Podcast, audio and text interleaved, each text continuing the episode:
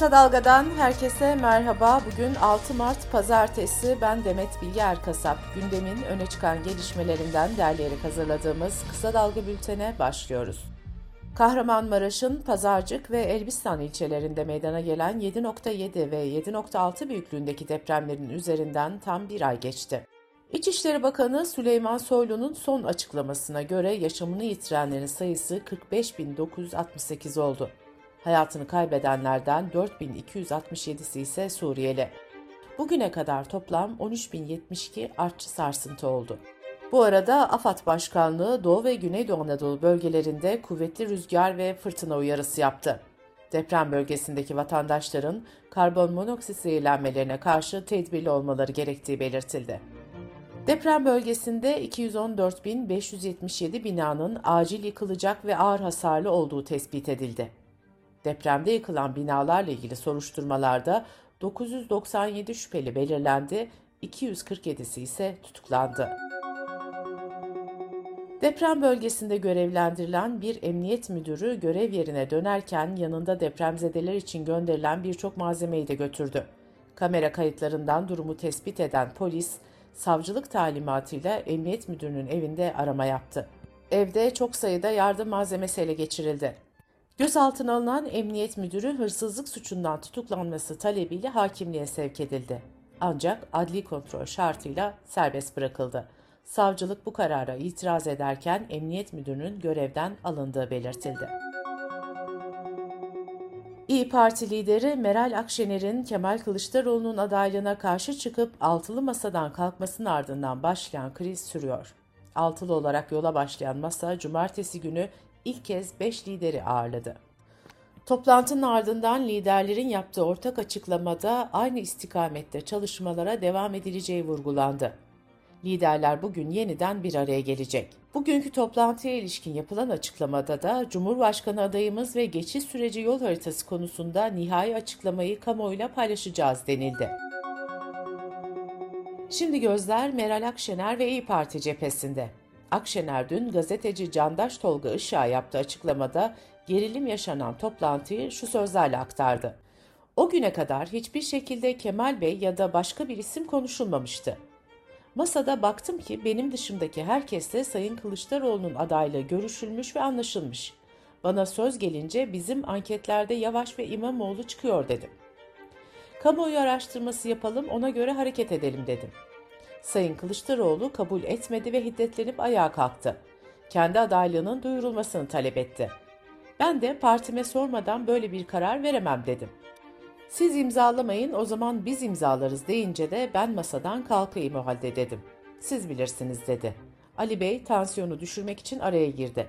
Ve sonunda aday isminde değil ama adaylık konusunda bir mutabakata varıldığına dair bir metne imza atıldı.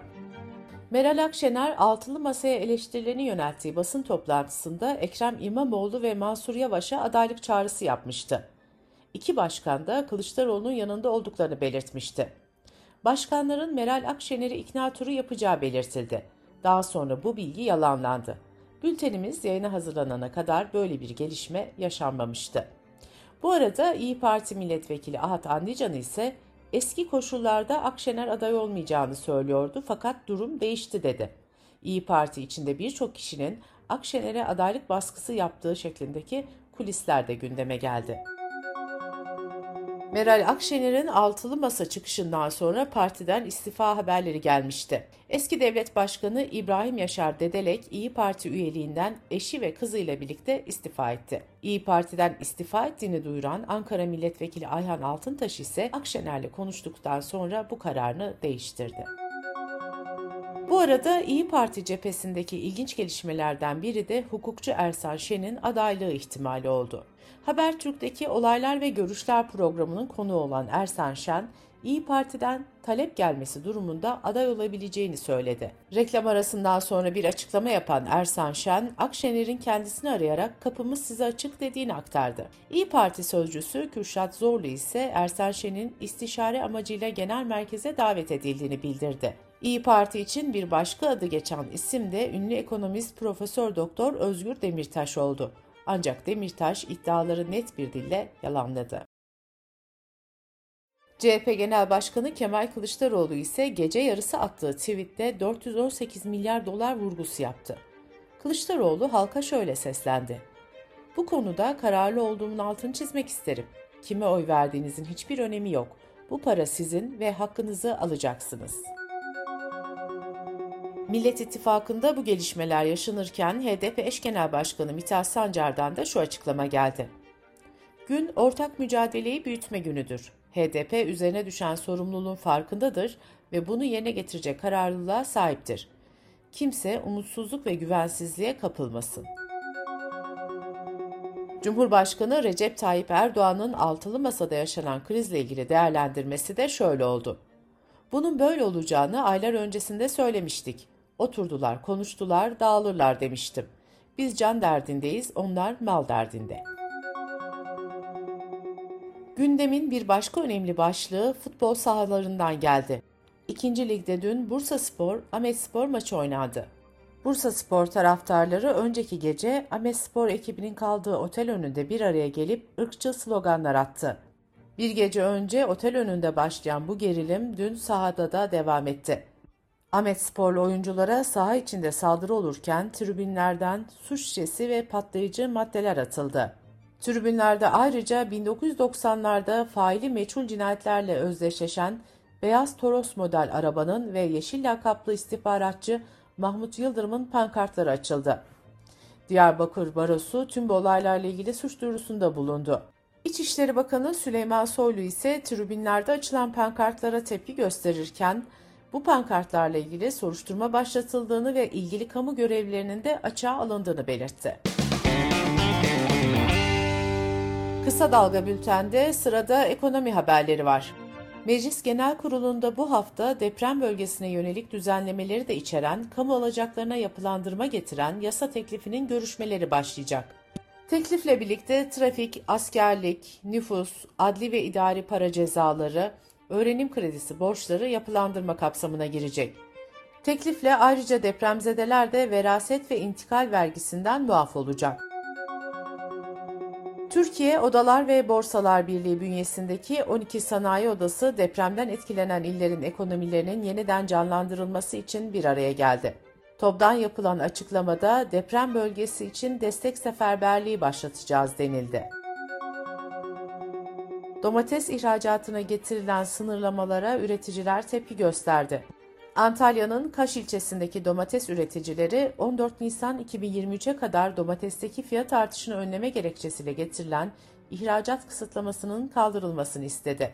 Üreticiler domatesin üretim maliyetinin yüksek olduğunu, ihracat kısıtlaması sonrası satış fiyatının düştüğünü ve daha da düşeceğini söyledi. Dış politika ve dünyadan gelişmelerle bültenimize devam ediyoruz. Avrupa Birliği Komisyonu Başkanı Ursula von der Leyen, Ukrayna'daki savaşta işlenen suçların soruşturulması için Hollanda'nın Lahey kentinde uluslararası merkez kurulacağını ve bunun kurulacak özel savaş mahkemesinin ilk adımı olduğunu bildirdi. Ursula von der Leyen, Putin hesap vermeli, failleri yargı önüne çıkarmak için elimizden geleni yapmalıyız dedi. Hollanda'da savcılık çok sayıda şirketin Rusya'ya yönelik yaptırımları ihlal ettiği gerekçesiyle soruşturma başlattı. Hollanda makamlarına göre Rusya'ya doğrudan ticaretin yanı sıra Türkiye, Ermenistan, Gürcistan ve Kazakistan üzerinden mal akışı da devam ediyor. Geçen yılın sonlarında 27 Hollanda şirketi Avrupa Birliği'nin Rusya'ya uyguladığı yaptırımları ihlal ettiği gerekçesiyle savcılık tarafından takibe alınmıştı hakkında soruşturma başlatılan şirket sayısının 45'e ulaştığı bildirildi. İran'da kız öğrencilere yönelik zehirli saldırılara tepkiler büyüyor. Birçok İranlı kızların okula gitmesini engellemekle suçladıkları hükümeti sorumlu tutuyor. İran Cumhurbaşkanı reisi ise cuma günü yaptığı açıklamada zehirleme vakalarından Tahran'ın düşmanlarını sorumlu tutmuştu. Londra'da binlerce kadın kadına yönelik şiddeti ve ayrımcılığı protesto etmek için yürüyüş yaptı. Kentin en önemli caddelerinden Oxford Caddesi'nde toplanan binlerce kadın, şiddet, ayrımcılık ve ülkede son dönemde kadınlara karşı polisin tutumunu eleştiren sloganlar attı. İsrail'de Başbakan Netanyahu'nun yargının yetkilerini kısıtlayan yasa teklifi ve sağ politikalarına karşı çıkan on binlerce kişi gösterilerin 9. haftasında da sokaklara çıktı. Eylemciler sık sık demokrasi ve hükümete hitaben utanın sloganları attı. Netanyahu Başbakanlığındaki koalisyon hükümetinin yargının bazı yetkilerini meclise devretmeye yönelik hamleleri gerilime yol açmıştı. Batı Avustralya polis birimi Kayın adı verilen ve 6 hafta süren bir operasyonun sonunda ülkeye sokulmaya çalışılan 2.4 ton kokaini ele geçirdi.